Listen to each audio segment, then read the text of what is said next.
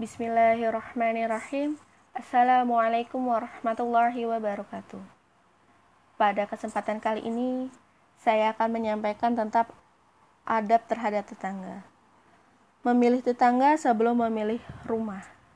Berarti lingkungan yang baik menentukan kualitas diri kita juga. Rasulullah Shallallahu Wasallam mengabarkan bahwa ada empat hal yang termasuk dalam kebahagiaan. Di antara keempat hal yang dimaksud adalah tetangga yang baik. Beliau juga menyebutkan bahwa ada empat hal yang termasuk dalam kesengsaraan. Di antara keempat hal yang dimaksud adalah tetangga yang jahat. Karena bahayanya, tetangga yang jahat ini, Rasulullah Shallallahu Alaihi Wasallam berlindung kepada Allah darinya dengan berdoa. Ya Allah, aku berlindung kepadamu dari tetangga yang jahat di rumah tempat tinggal, karena tetangga yang hidup berpindah-pindah atau mengontrak akan pindah. Rasulullah Shallallahu Alaihi Wasallam memerintahkan umat Islam untuk berlindung pula darinya dengan mengatakan, Berlindunglah kalian kepada Allah dari tetangga yang jahat di rumah tempat tinggal, karena tetangga yang hidup berpindah-pindah atau mengontrak akan berpindah daripadamu. Selanjutnya yaitu adalah memuliakan tetangga. Dari surat An-Nisa ayat 36 artinya adalah dan berbuat baiklah kedua orang ibu bapak, karib kerabat, anak-anak yatim, orang-orang miskin, tetangga yang dekat dan tetangga yang jauh, teman sejawat, ibnu sabil dan hamba sahayamu. Nabi pun mengingatkan kita agar selalu berbuat baik kepada tetangga, seperti uh, hadis riwayat Bukhari dan Muslim. Nabi pun mengingatkan kita uh, seperti ini. Ibnu Umar dan Aisyah radhiyallahu an berkata bahwa Rasulullah shallallahu alaihi wasallam bersabda kepada keduanya, Jibril selalu menasihatiku untuk berlaku baik terhadap para tetangga, sehingga rasanya aku ingin memasukkan tetangga-tetangga tersebut ke dalam kelompok ahli waris seorang muslim. Abu Zar radhiyallahu an berkata bahwa Rasulullah shallallahu alaihi wasallam bersabda, "Hai Abu Zar, jika engkau memasak sayur, maka perbanyaklah kuahnya dan perhatikanlah bagilah tetanggamu. Hadis riwayat Muslim. Selanjutnya uh, hadis yang lain yaitu hadis riwayat Bukhari dan Muslim. Abu Hurairah berkata bahwa Nabi Shallallahu Alaihi Wasallam bersabda, demi Allah tidak beriman, demi Allah tidak beriman, demi Allah tidak beriman. Beliau ditanya, siapa ya Rasulullah? Nabi menjawab, seorang yang tidak aman tentang aman tetangganya dari gangguannya. Selanjutnya uh, hadis dari Bukhari dan Muslim kembali yaitu Abi, Abu Hurairah berkata bahwa Nabi Shallallahu Alaihi Wasallam bersabda, siapa yang beriman kepada Allah dan hari akhir hendaklah memuliakan tetangganya. Nah, selanjutnya adalah berbuat baik dan memuliakan tetangga adalah pilar terciptanya kehidupan sosial yang harmonis, baik itu muslim ataupun tetangga yang non muslim gitu karena dalam hubungan dengan hak-hak tetangga tetanggaan semuanya sejajar yang pertama adalah e, memuliakan tetangga itu sering-seringlah bertegur sapa. Tanyakan keadaan kesehatan mereka lalu tanyakan hal-hal yang tidak e, tidak sensitif gitu.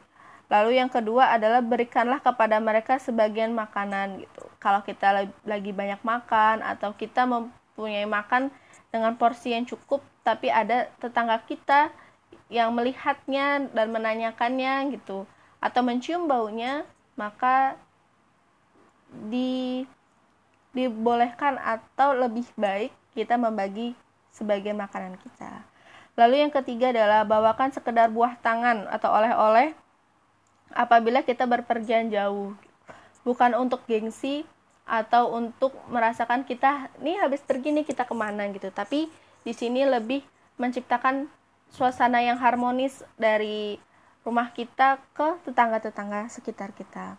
Yang keempat adalah bantulah mereka apabila sedang mengalami musibah ataupun menyelenggarakan hajatan.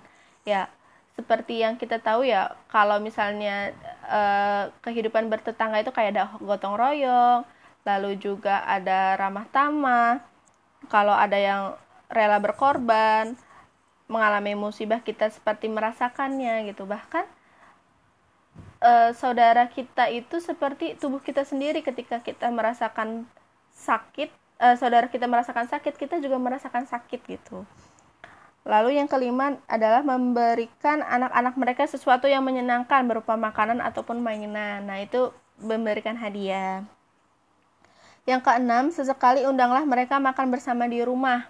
Nah, boleh tuh kayak e, ngeriung bareng gitu, masak bareng terus kita makan bareng di rumah. Yang ketujuh adalah berikanlah hadiah buku bacaan yang mendorong mereka untuk lebih memahami Islam. Nah, di sini e, ketika tetangga kita muslim kita memberikan perhatian kita yang lebih gitu karena e, mendorong kita untuk memahami lagi gitu tentang Islam itu seperti apa jadi prosesnya bersama-sama lalu bagaimana dengan e, tetangga kita yang non muslim gitu? Bagi tetangga kita yang non muslim kita tetap menghormatinya.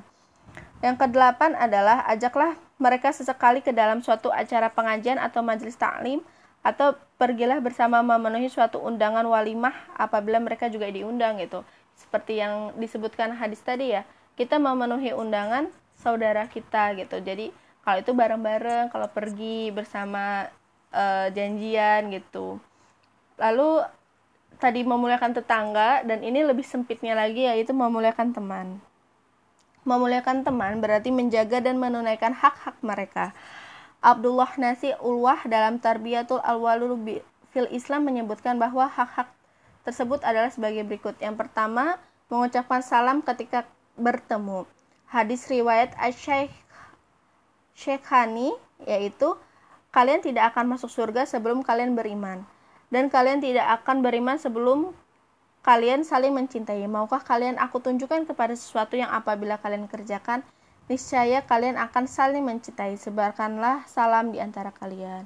Yang kedua adalah menjenguk teman sedang sakit ketika sakit. Kalau misalnya uh, kita tidak mampu menjenguk secara langsung gitu, zaman sekarang itu kan bisa lewat video call atau kalau misalnya belum sempat untuk video call bisa bertelepon, kalau misalnya belum sempat juga mendoakan lewat WA atau SMS gitu. Ataupun kalau misalnya tidak bisa kita tahu ada kabar seperti itu, kita mendoakannya. Yang ketiga adalah mendoakan ketika bersin.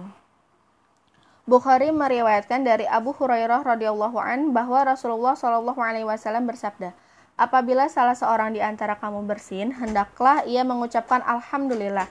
Segala puji bagi Allah dan saudaranya atau temannya hendaklah mengucapkan untuknya Yarhamukumullah. Semoga Allah mengasihimu. Apabila teman atau saudaranya tersebut mengatakan Yarhamukallah, semoga Allah mengasihimu, maka hendaklah ia mengucapkan Yahdikumullah wa yah wa yuslihu balakum.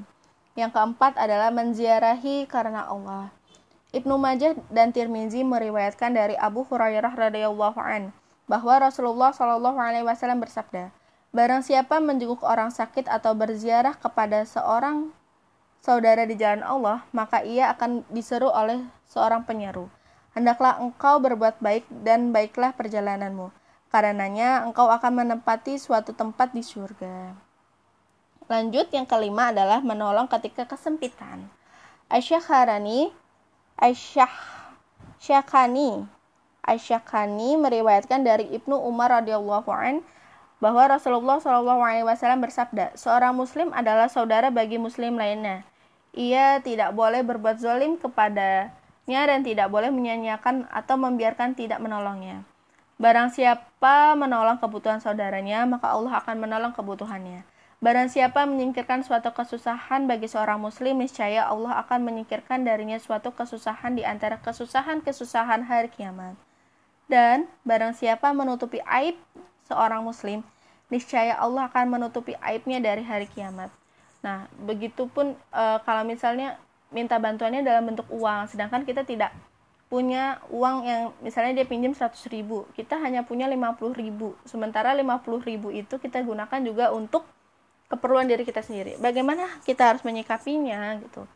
Nah, ini lebih tepatnya kalau misalnya kita e, berikan dia 10.000 kita bilang saja saya hanya punya uang 50.000 ini saya berikan kepadamu 10.000 tidak usah dipinjam atau kalau misalnya kita ini cara pertama cara kedua adalah kita meminjam kepada teman kita Nah, tapi kalau kayak gini kita harus tahu nih akadnya seperti apa.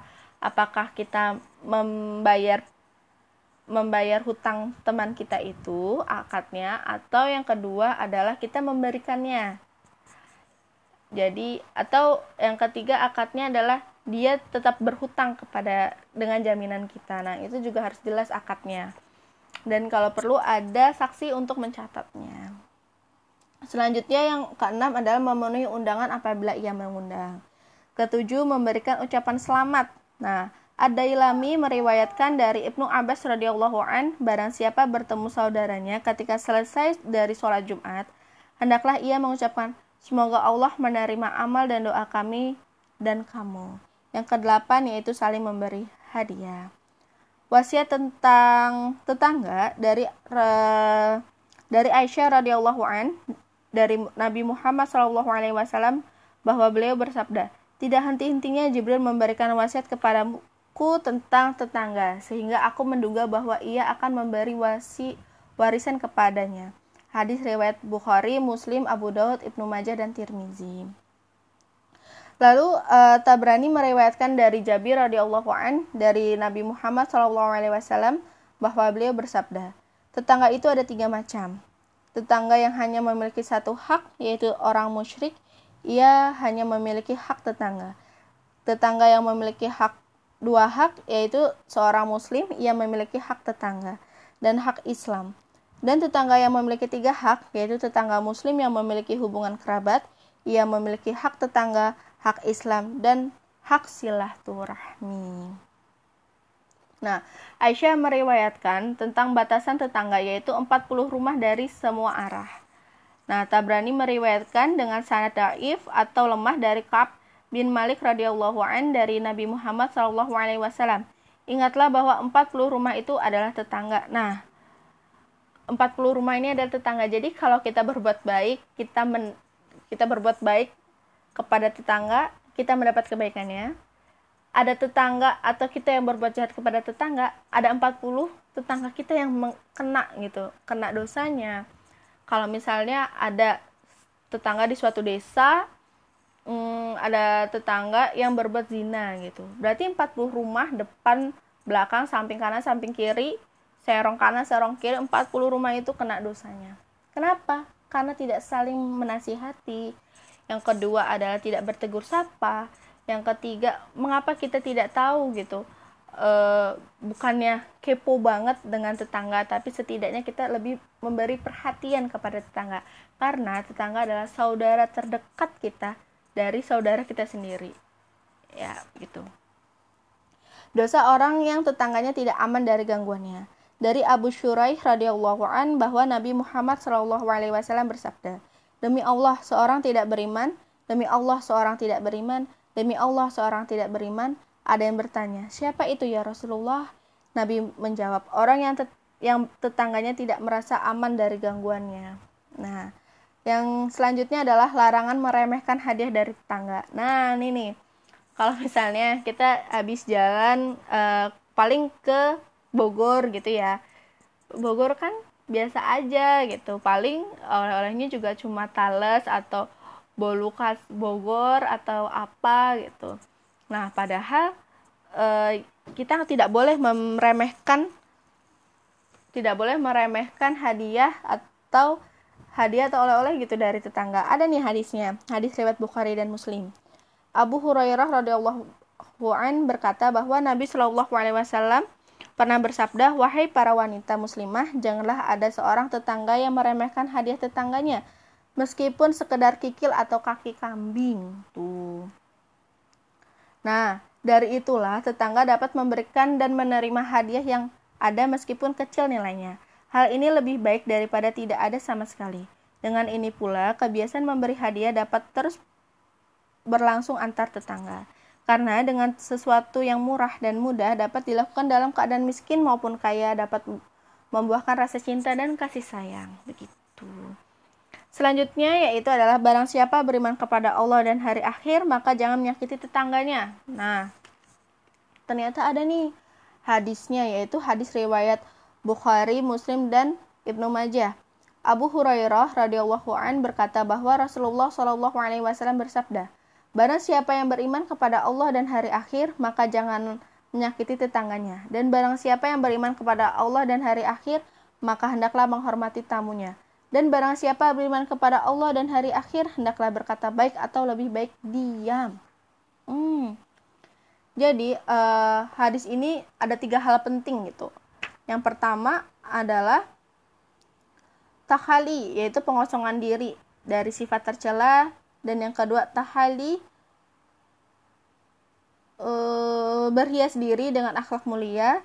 Dan yang terakhir adalah akhlak kauliyah, yaitu ucapan Kesempurnaan iman seseorang diukur dari kebaikannya kepada sesama makhluk Allah, baik dalam bertutur kata, kebaikan, maupun diam dari kalimat buruk, dan melakukan apa yang sepatutnya dilakukan dan meninggalkan apa yang membahayakan, antara lain adalah dengan tidak menyakiti tetangganya. Hak tetangga yang lebih dekat pintunya. Nah, ternyata tetangga itu kan tadi ada 40 ya, 40 tetangga. Nah, yang paling mendapatkan haknya sekali yaitu adalah yang lebih dekat pintunya, seperti dari hadis riwayat Bukhari. Aisyah radhiyallahu an berkata, "Ya Rasulullah, sesungguhnya aku memiliki dua tetangga. Kepada tetangga yang manakah yang aku berikan hadiah?" Nabi menjawab, "Kepada tetangga yang pintu rumahnya lebih dekat dengan pintu rumahmu." Nah, kenapa? Karena barang siapa yang pintunya lebih dekat, maka ia yang lebih berhak sebab ia yang melihat apa yang keluar masuk dari rumah tetangganya berupa hadiah dan lainnya sehingga memungkinkan ada harapan dan keinginan berbeda dengan yang jauh pintunya. Selanjutnya adalah kepada yang lebih dekat pintunya itu karena tetangga yang lebih dekat dan yang lebih cepat menyahut menyahut jika dipanggil ketika tetangga se sebelah memerlukan terutama ketika terlena. Begitu. Nah, dari hadis ini kita uh, dapat mengambil pelajaran ya, kedekatan pintunya yang lebih dekat, pintunya yang lebih diprioritaskan dari yang sebelahnya. Begitu. Sekian sharing kita kali ini, semoga bermanfaat. Uh, saya sendiri mohon maaf apabila ada kesalahan dan kekhilafan dalam bertutur kata dalam menyampaikan. Wabillahi taufiq wal hidayah. Wassalamualaikum warahmatullahi wabarakatuh.